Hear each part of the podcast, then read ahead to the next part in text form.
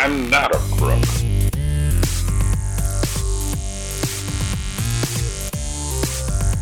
But because they are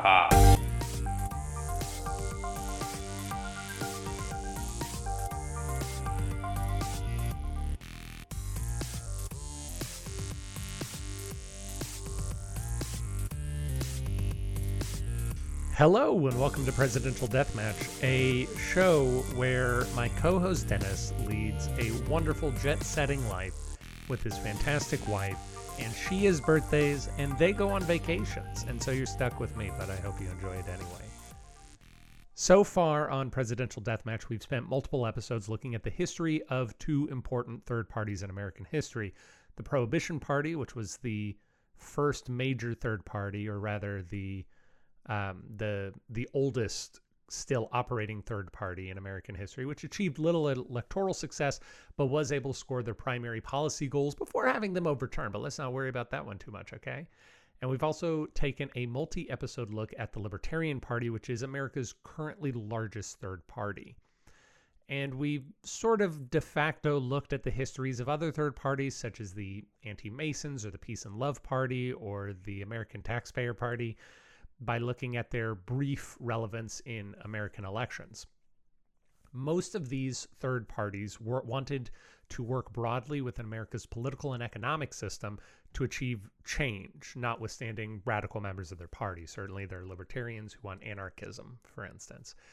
But today, we are going to look at a, uh, a, a particular party who, by their nature, wanted to overturn America's economic system and sometimes its political system. So we're going to look at, uh, we are going to begin a look at socialism in America through looking at the oldest socialist party in America, the Socialist Labor Party. That was maybe a little too joyful, a little too party atmosphere. Uh, for the episode. But uh, this episode has been a long time coming of the 196 people that we were given the sacred charge to to tell you about this season. Uh, really think about that for a second. Also, 196 notable presidential losers in our history against 45 presidential winners.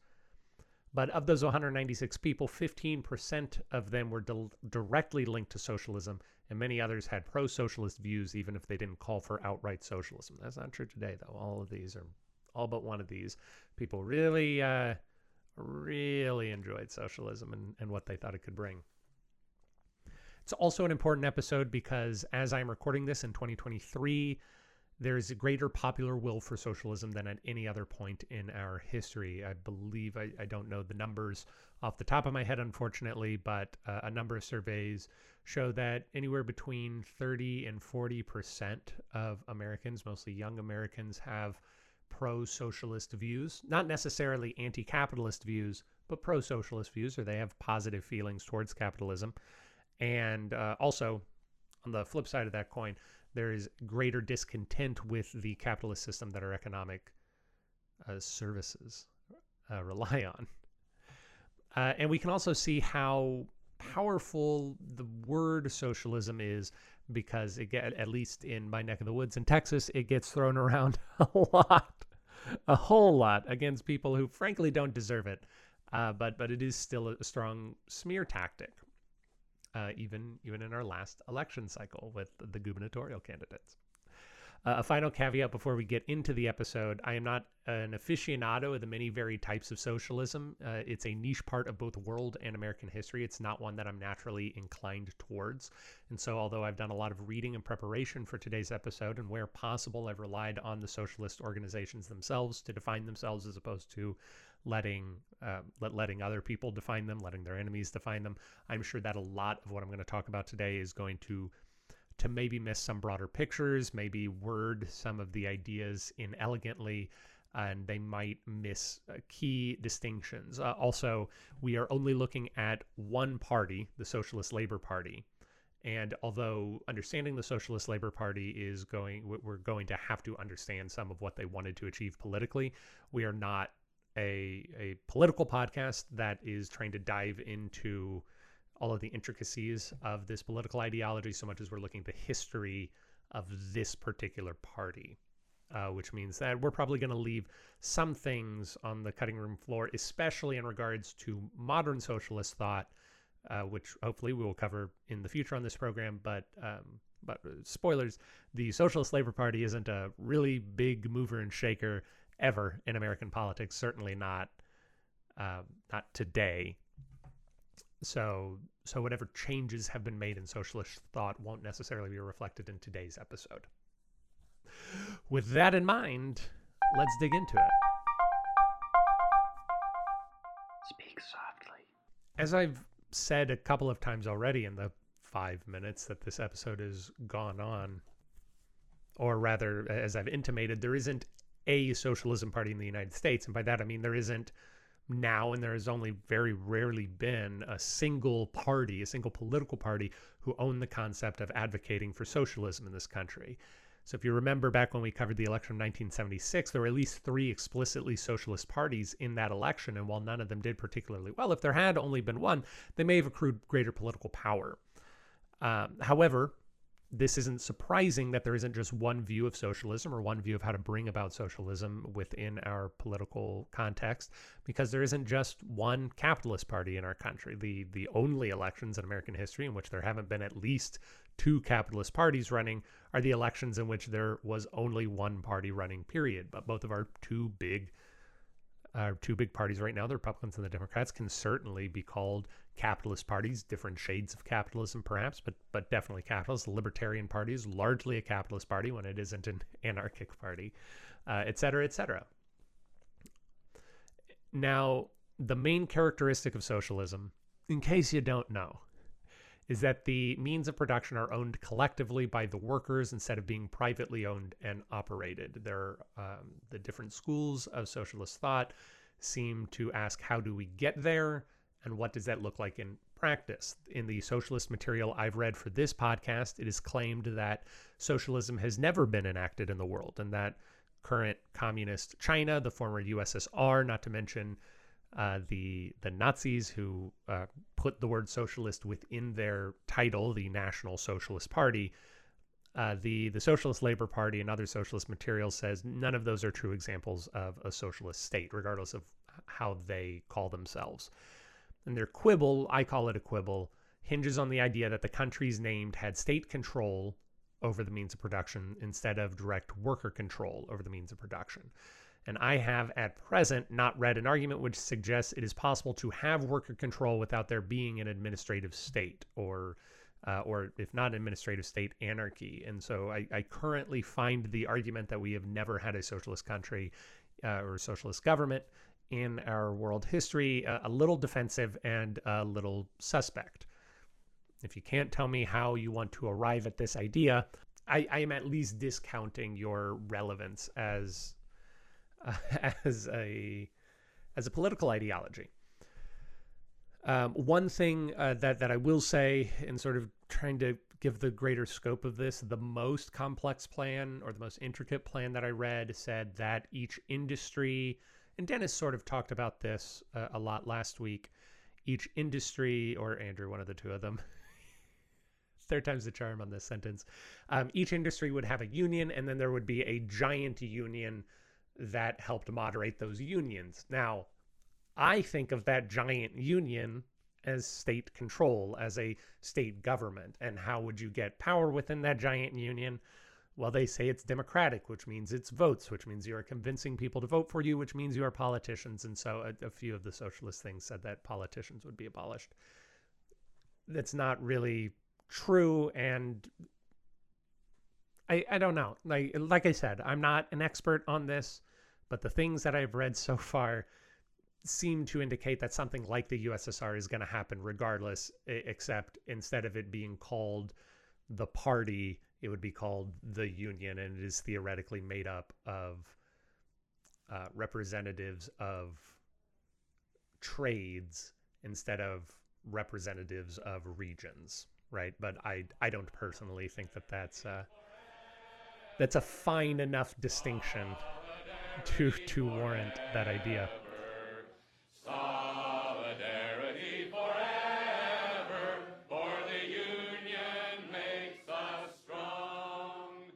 The Socialist Labor Party.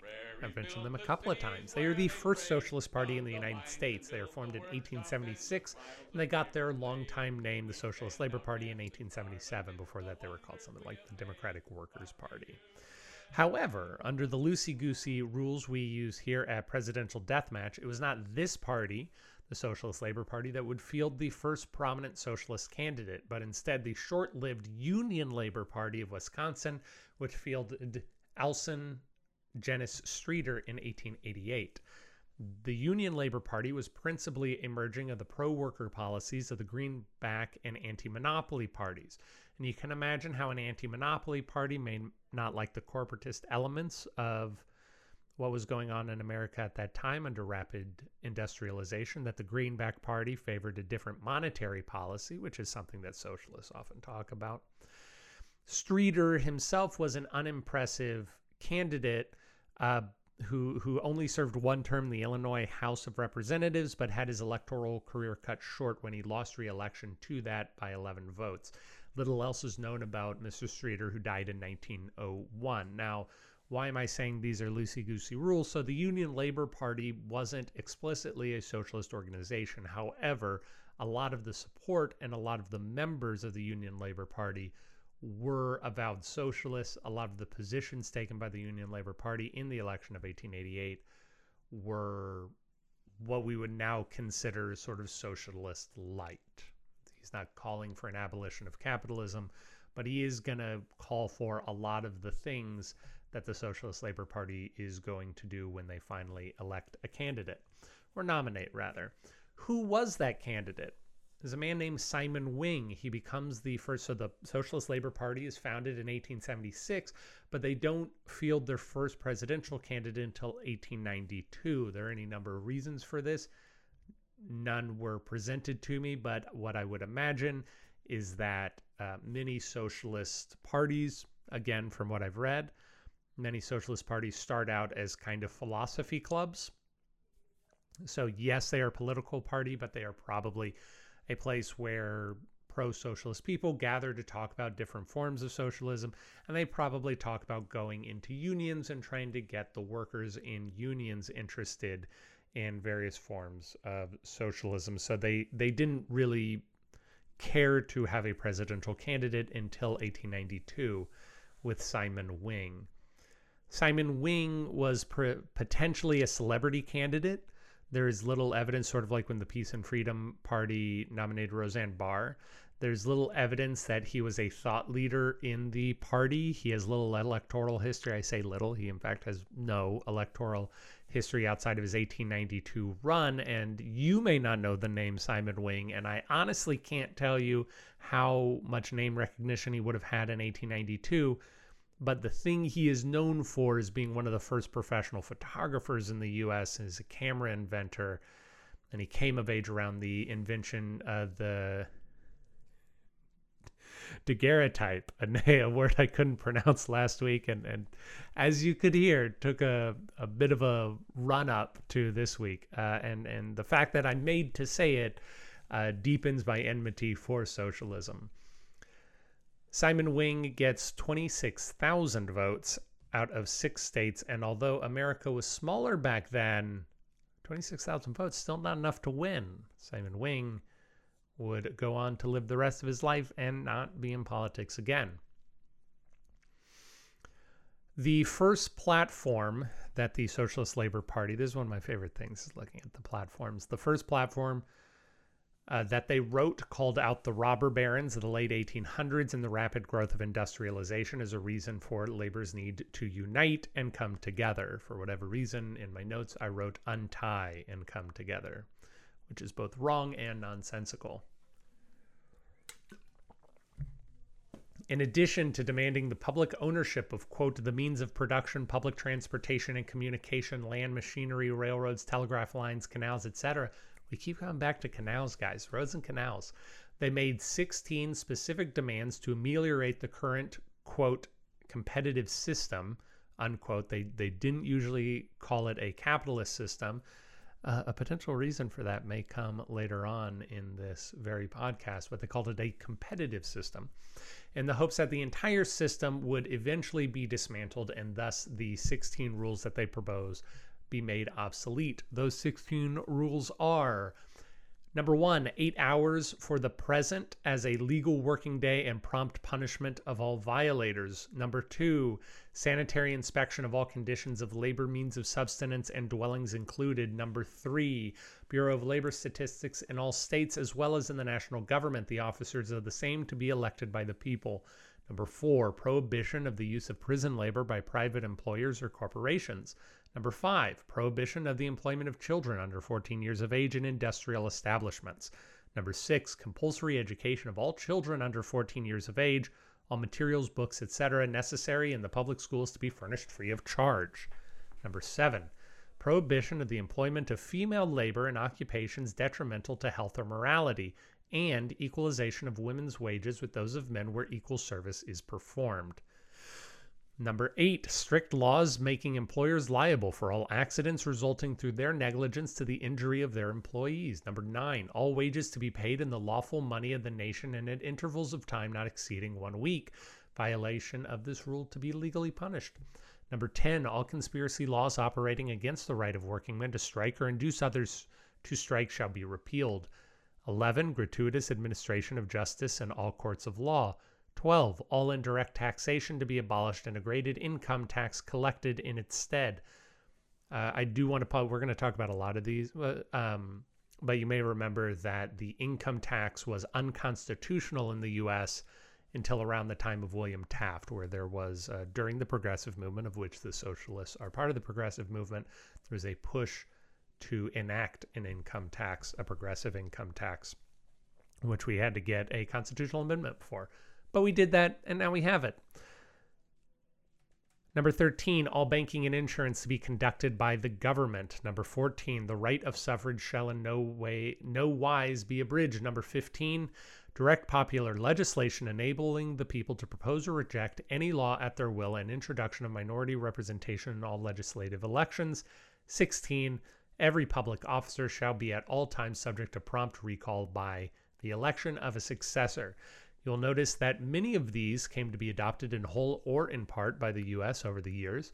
Number seven, that's the one about women being prohibited from working in health deleterious or morality deleterious occupations, is particularly interesting in light of a resolution later in the platform. So they had these 16 laws and then they had another five resolutions this particular resolution, their first one, says the emancipation of labor is a social problem, a problem concerning the whole human race and embracing both sexes. The emancipation of women will be accomplished with the emancipation of men, and the so called women's rights question will be solved with the labor question. We acknowledge the perfect equality of rights of both sexes, and in the Socialistic Labor Party, this equality of rights is a principle and is strictly observed. I think that is somewhat suspect if I am examining these things uh, because we are saying, um, if I am putting words, I, I felt a lot easier criticizing the libertarians because I'm closer to being a libertarian than I am to being a, a socialist. And so I felt confident that I could call them out on their on their contradictions. I feel less on solid ground with the socialists since I know less about them and I'm already not positively inclined towards them. But I feel like they're trying to say, yeah, yeah, yeah, men and women are equal. Well, except, uh, oh, and also work and labor is to be respected and we want trade unions, but there are certain jobs that aren't good. We don't want prostitutes. We don't want women working in dangerous things. We don't want, well, we don't want a military at all. We certainly wouldn't want a wo woman fighting in it uh, if, if we could. Uh, and, you know, you can say that uh, laws uh, that that uh, equal pay for equal work and all that. But I will notice that they never nominated a woman to run for a president or vice president, despite the fact that other political parties, most notably the Greenback Party, were doing that at the time. A few other things that I noticed reading through these uh, these rules is that uh, number one, apparently we had a problem with people paying not lawful money. I'm going to assume that is company town money, things like Henry Ford's uh, little charade that he pulled where where you would get paid in in Henry bucks or what have you. Uh, and uh, sadly, all conspiracy laws operating against the right of working men a strike or induce others to strike shall be repealed. Uh, that one did not come to pass, as we saw with the railroad workers' strike and the uh, one would theoretically assume labor uh, in favor of labor democratic party claiming that the railroad workers weren't allowed to strike which is uh, not good in my opinion I don't know what they mean by gratuitous administration of justice in all courts of law. I would assume that uh, even if we don't have it, we have that ideal already. I wish they would have expanded on that. All indirect taxation, uh, if they mean that in the same way that libertarians mean it, it, it means things like um, like the money that you have to pay to register your car is indirect taxation. It's money the state says you have to pay to it, but it's not in your annual taxes. Uh, and maybe even something like sales tax would be disallowed under that. Uh, one thing that I, the the two last ones I really dislike: direct popular legislation enabling the people to propose or reject any law at their will, turns the entirety of the country into a plebiscite. That didn't work well in Greece. It certainly wouldn't work well here. How frequently would we need to run elections, how expensive would that be? And it's similar. 16, every public officer shall be at all times subject to prompt recall by the election of a successor. That's why we have terms, right? That That's why your U.S. representative only has a term for two years. You can kick him out after two years, or senator after six years. Uh, recalling to me tends to introduce uh, too much volatility into the system. And uh, although nothing happened with the California gubernatorial recall of Gavin Newsom back in 2001 there there was an easy way where uh, Gavin Newsom could have had the support of 49% of the state of California but then be kicked out of his governorship and be replaced by someone. They I think they had 20 or so people on the list, so he could have theoretically been replaced by someone who had 15% of the vote of California, which has to do with voting recall. Guys, yeah, I'm I'm sorry to get so in the weeds of this. We're going to move on. In the early days of the Socialist Labor Party, it was a meeting of many views of socialism. However, under the leadership of Daniel De Leon, who you may recognize as the title of this episode, the, Marty, the party became Marxist dominant and it became a full Marxist party by 1900, the circumstances of which we will explore in short order. Daniel De Leon was originally from Curacao and studied in Germany before settling in the U.S., and he would go on to study in the U.S. as well. Although Norm never formally elected as the national secretary of the Socialist Labor Party and never a candidate for president, De Leon was acknowledged as the head of the party by virtue of his strong editorial control of the party paper, and he would control it from about 1891 to about 1911 when he died. Historian Howard Quint notes, he was not a petty tyrant who desired power for power's sake. Rather, he was a dogmatic idealist devoted brain and soul to a cause, a zealot who could not tolerate heresy or backsliding, a doctrinaire who would make no compromise with principles. For this strong willed man, this late 19th century grand inquisitor of American socialism, there was no middle ground. You were either a disciplined and undeviating Marxist or no socialist at all. You were either with the mischief making, scatterbrained reformers and labor fakirs or you were against them. You either agreed on the necessity of uncompromising revolutionary tactics or you did not, and those falling into the latter category were automatically expendable as far as the Socialist Labor Party was concerned. End quote. In research of this episode, I learned something. Well, I learned a lot of things I didn't know before, but I, I learned of a concept called uh, hmm, Lassallean uh, a Lassallean approach. I don't know why that one tripped me up. I was practicing it a lot yesterday.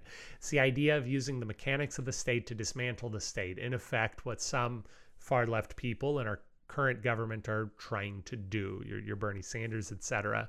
You get elected under the rules, you play by the rules to introduce legislation, you change using the mechanics of change that the government has set up at its disposal. De Leon was against this and he wanted revolutionary overthrow. Explicitly, De Leon and many other socialists wanted what were called militant trade unions to oppose the current governing scheme. Many of these groups say, and by these groups I mean socialist groups, say they want these militant groups to act non violently, which is a thing I don't fully understand, to be honest with you. I assume they're using the word militantly to mean something other than what the word most immediately suggests, perhaps ambitious or aggressive. But you see these uh, phrases pop up time and time again that we need militant trade unions to oppose the competitive system.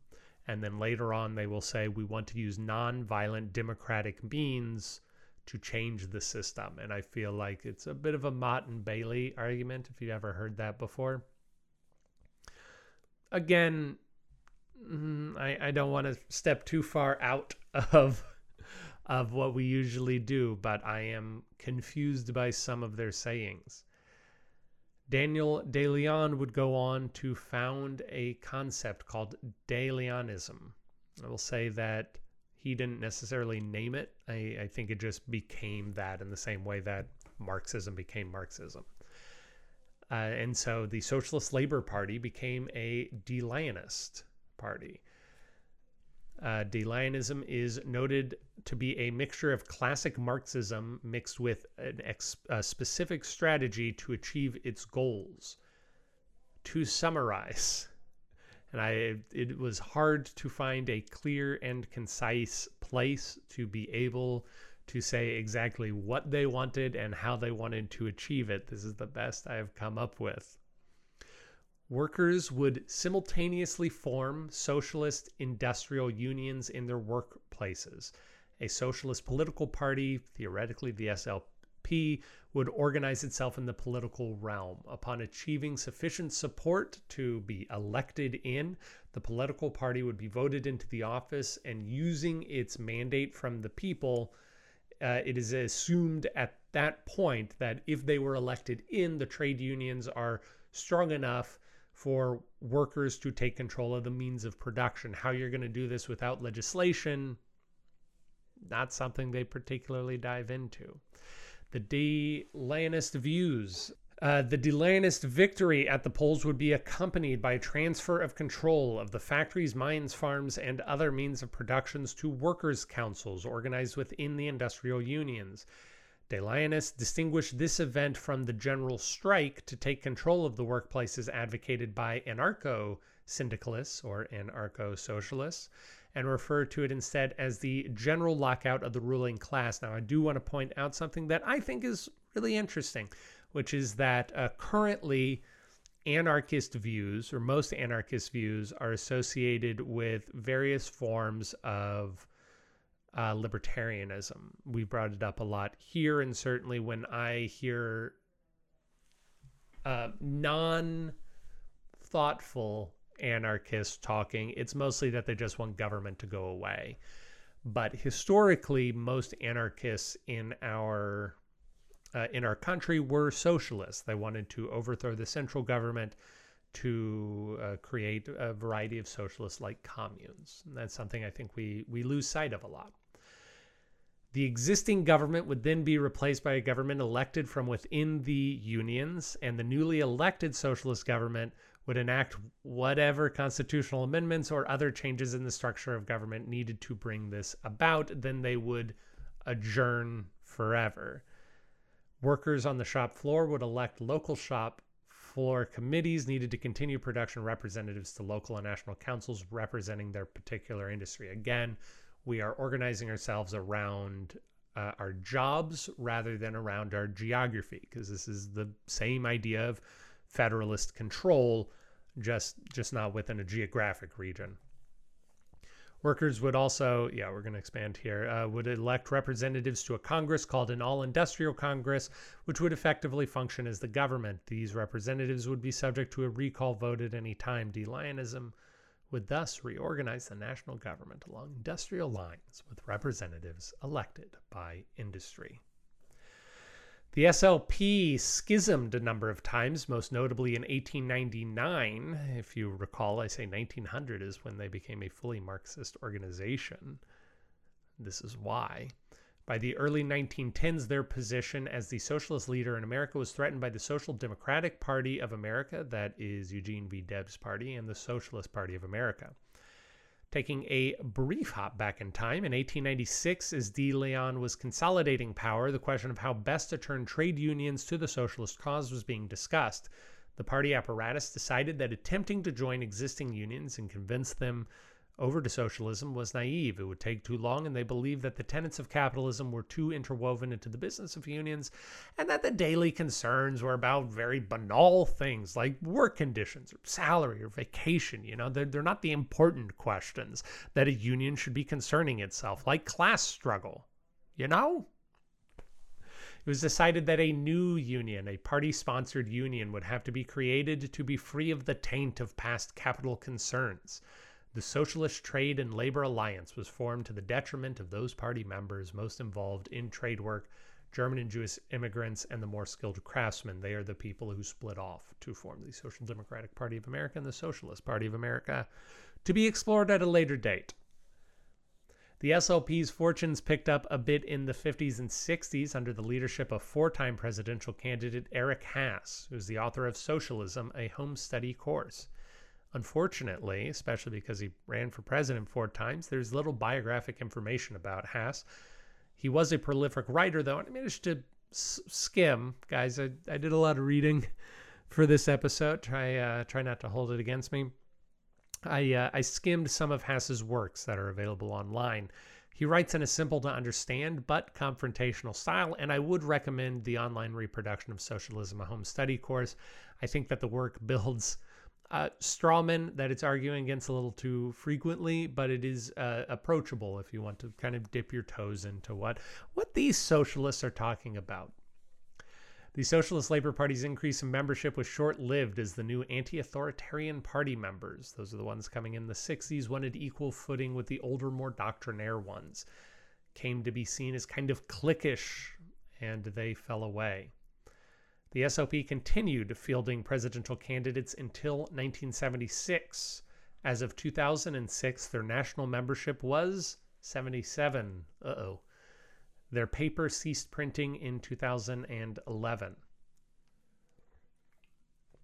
Here is a short chronicle of the men the SLP nominated.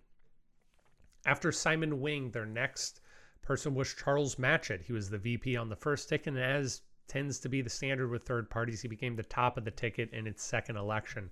Charles Matchett was the organizer of the New York branch of the SLP, which was its most active branch at the time. Before socialism, this is this is a lot of fun. Before socialism, Matchett was involved in a political movement called nationalist clubs, which you know these are just part of the really fun oddities like Lester Maddox that you discover when running an American history podcast. So we're gonna take not too long because I think you're going to enjoy this this side jag down, but but we're going to take a little bit of a detour. We're going to take the scenic route through history. So, what is a nationalist club? In 1887, a man named Edward Bellamy wrote a book called Looking Backwards, 2000 to 1887.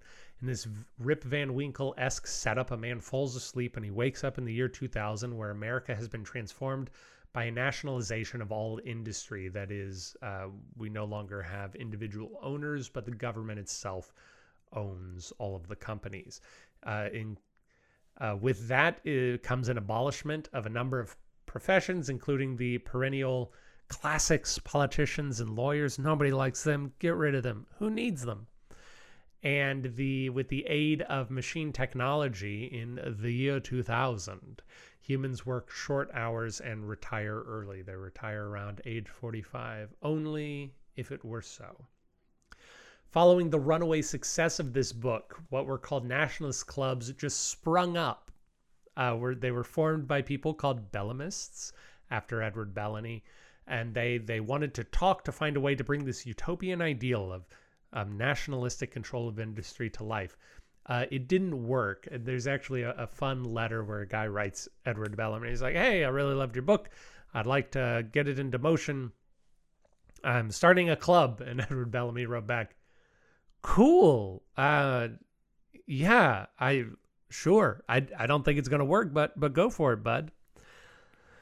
Uh, it's just a very fun small thing in American history. Before we zip out of this scenic view, I want to point out that among the professions eliminated was prostitution, which brings to mind the vaguely uncomfortable policing of bodies and the uh, degradation of certain types of work from the earlier SLP agenda.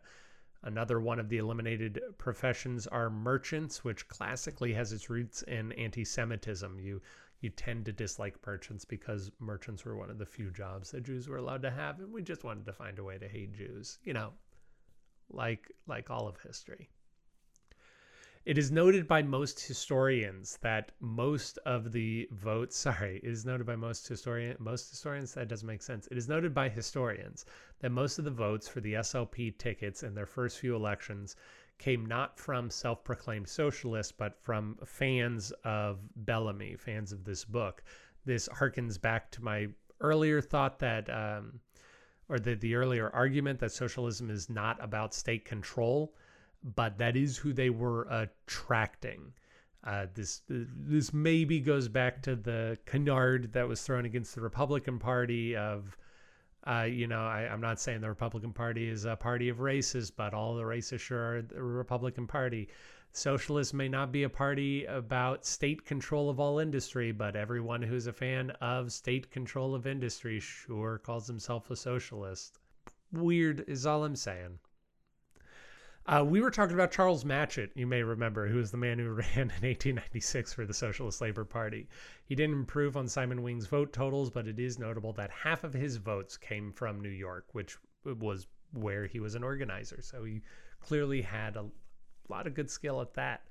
In his later years, Charles Matchett was a proud spokesperson for the constructed language Esperanto. If you don't know about Esperanto, it is a language that uh, was made, I, think in Portugal. I can't remember. I believe in Europe, though, is a sort of constructed language. And the idea was that uh, this is a language that is easy to learn, is entirely logical. It's and, and we should switch over to it. It should become a universal language.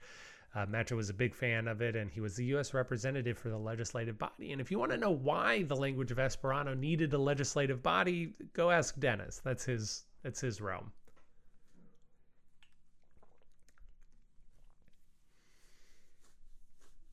We're going to jump ahead. A man named Louis Fisher was the penultimate SLP nominee in 1972. He was known as the top vote getter of the party with over 53,000 votes.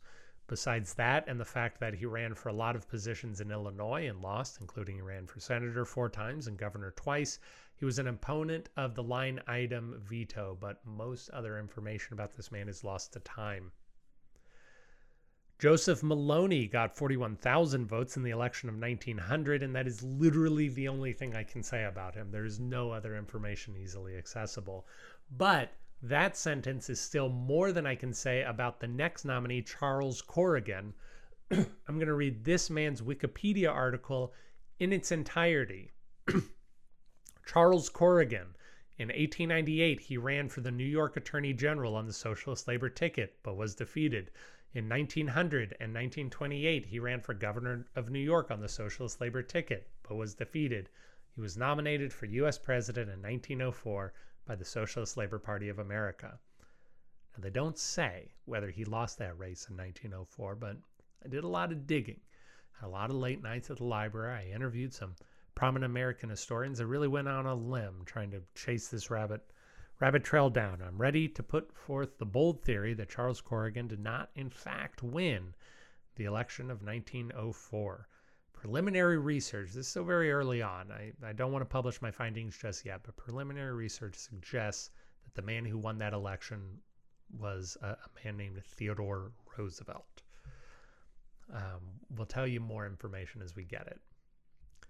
The next nominee, August Gillhaus, is most notable for being put on the ticket after the man they nominated, Morris Preston, was ruled ineligible because he was too young to run. Why did they vote in a man named Morris Preston? Uh, he was a convicted murderer who was in a Nevada jail who was uh, murdered the man that he murdered during a mining strike. And so he became a sort of labor hero.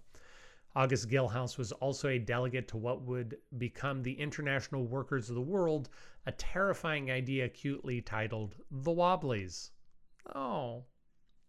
Arthur Reimer was the nominee in 1912, and he demonstrates the the really honestly, Arthur Reimer, thank you for doing this. He demonstrates the real problem with third parties, which is their domination by ideologues and not by politicians.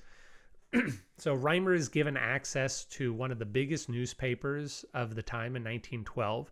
This is a platform for which he could surely focus on building a consensus for his heterodox ideas. He could talk about what being a socialist means. He could talk about how to bring value to the people. But instead, uh, instead of using this time and the space to build a, a to, to use as a building block for his party, he decides to complain about Eugene Debs, the only other prominent socialist in the country. He says he's not socialist enough. Ah. Around this time, another schism took place, but not in America. The Russian Revolution of 1917 excited many workers' causes, and a significant portion of the SLP defected to join the Communist Party of America. Now, again, these folks can say they're not for the nationalization of industry all they want, but when given the go ahead, they seem perfectly willing to make nationalization of industry their primary goal at, at least most of their membership does. The the the leadership of the SLP uh, actually did look on uh, Russia as De Leon looked upon everyone, half breeds who sold out true Marxism. So that's something, but what it is, I couldn't say. William Wesley Cox, who's the nominee in 1920, is honestly not worth talking about. And, and it, it's here that I really just want to tell you, everyone we squeeze a lot of juice out of some very dry lemons in researching these obscure candidates. And William Wesley Cox is not a man that I could do that for. You may not know it yet, but you've already heard of Vern Reynolds. He was the VP nominee of Frank Johns, who we heard about last week. That's who Dennis talked about. His son, Vern's son, he was a Star Trek writer. You remember. Vern is such a non notable person that when you search for him on Google, the second result is the election history of the city of Somerville, Massachusetts. The the spot where it says how many people in Somerville voted for Vern Reynolds. That's the that's the second biggest point of information that Google can find. Now, at this point, I've, I've spent a, a lot of the last 10 minutes complaining about how there's no information about these presidential candidates. So I hope you're noticing a theme. Much like the Prohibition Party or the Libertarian Party, the presidential candidates of the SLP and, and maybe other socialist organizations, they're not the standard bearers of their causes. Unlike our current two big political parties, where all the Republicans and Democrats have to offer are the politics, and therefore the candidates are the most exciting thing to talk about. In third parties, it's all about ideas, and therefore it's the theoreticians, the Daniel De Leons, who are the meaningful ones in the party. The politicians, the people they put forth to run, are just talking heads, basically. And that's why I could spend so long earlier in the episode talking about Daniel De Leon. It's why I spend much more time reading both Daniel De Leon's um, biographic information as well as his writings than I, I can about Simon Wing the first man they put forth for president. And it's why the information on De Leon dwarfs the information of all of these other candidates. It's just not what this party is built for. It's not built for winning elections. It's built for uh, propaganda in in sort of the purest use of that word, not not in a pejorative sense, but in the idea that we're giving out information. And I think I think it's why our politics is so disappointing right now. We don't really care about the ideas anymore, and we don't vote out people who fail to have legislative accomplishments, which is the bulk of Congress. We don't look at somebody and say, of say my congressional representative Sheila Jackson Lee, what have you done? I may or may not agree with your ideas. I don't know all of them because you don't talk about them. You don't hold town halls here and I didn't vote for you in the last election, but a lot of people did because you had a certain letter next to your name. And what we really should do is look at Sheila Jackson Lee, look at um, any of these people in Congress or any of these people in state legislatures or any of these people on city council and ask, what have you done? What ideas are you pursuing? How are you changing things? And if you're not changing anything, I'm sorry, it doesn't matter how much I like you or how much I agree with your ideas. We need to find someone else with similar ideas who can maybe get something done. anyway, we're not done with the Socialist Labor Party yet, friends. John Aiken is a researcher's worst nightmare. He's a man who requested that no obituaries be written about him, and so there are no concise places of information that I can find. In respect of his wishes and the lack of information I found, we will move on past this 1936 nominee, one of the many men defeated by FDR for the presidency. Like many other socialist candidates, Edward Teichert was active in a union at the time of his nomination, one for industrial workers. Amusingly, he was forced to run not under the Socialist Labor Party banner in his state, but under the name Industrial Government Party, because Pennsylvania had laws against parties having the same word in their name, and the Socialist Party of America filed first. Due to the communists not running a candidate in 1944, uh, which is the second time Teichert ran, Teichert received the most votes for an SLP candidate since 1900, 45,000. He would go on, with that 45,000 votes, he would go on to lose that election by a scant 25,567,000 votes. So good for you, buddy. The final candidate we're going to talk about today is Henry Blomen, a man whose face does not look like it was put on correctly if you go look him up online. It, it just seems like it's not fitting well. Like everyone else in the SLP that the SLP fielded, Blomen wanted revolution, bloodless though it may be. And he wanted to abolish capitalism while using the power of the state to nationalize industry, making him, according to the Socialist Labor Party's website, not a socialist.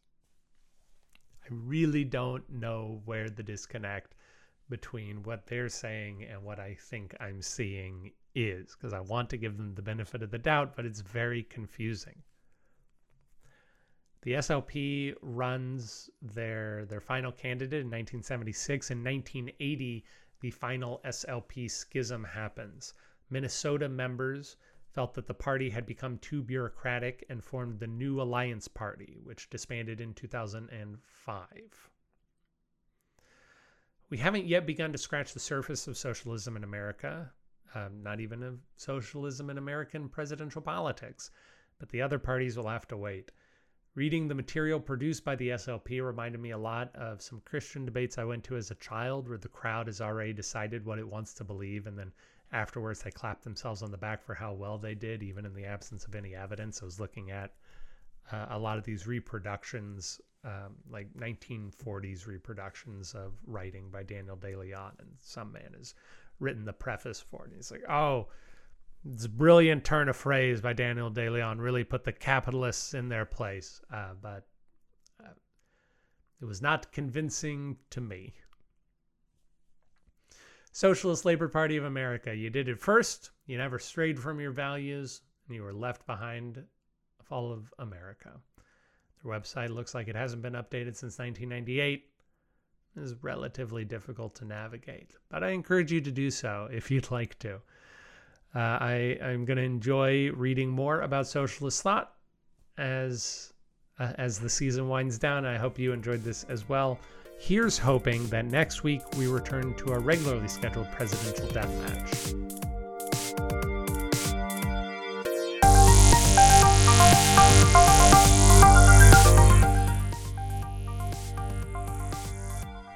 Thank you for listening to Presidential Deathmatch. Presidential Deathmatch is hosted by Aaron Garrett and Dennis Buddy and edited by Aaron Garrett. If you like the show, please consider giving us a review wherever it is. You can do that, we'd really appreciate it. If you didn't like listening to the show, well, why don't you come on back and give us another try? We really grow on you. If you want to reach out to us, you can do that at contact at pronoiatheater.com. You can also support the show in a variety of ways, including at pronoiatheater.com slash store. We hope you enjoyed it, and we hope to hear from you soon.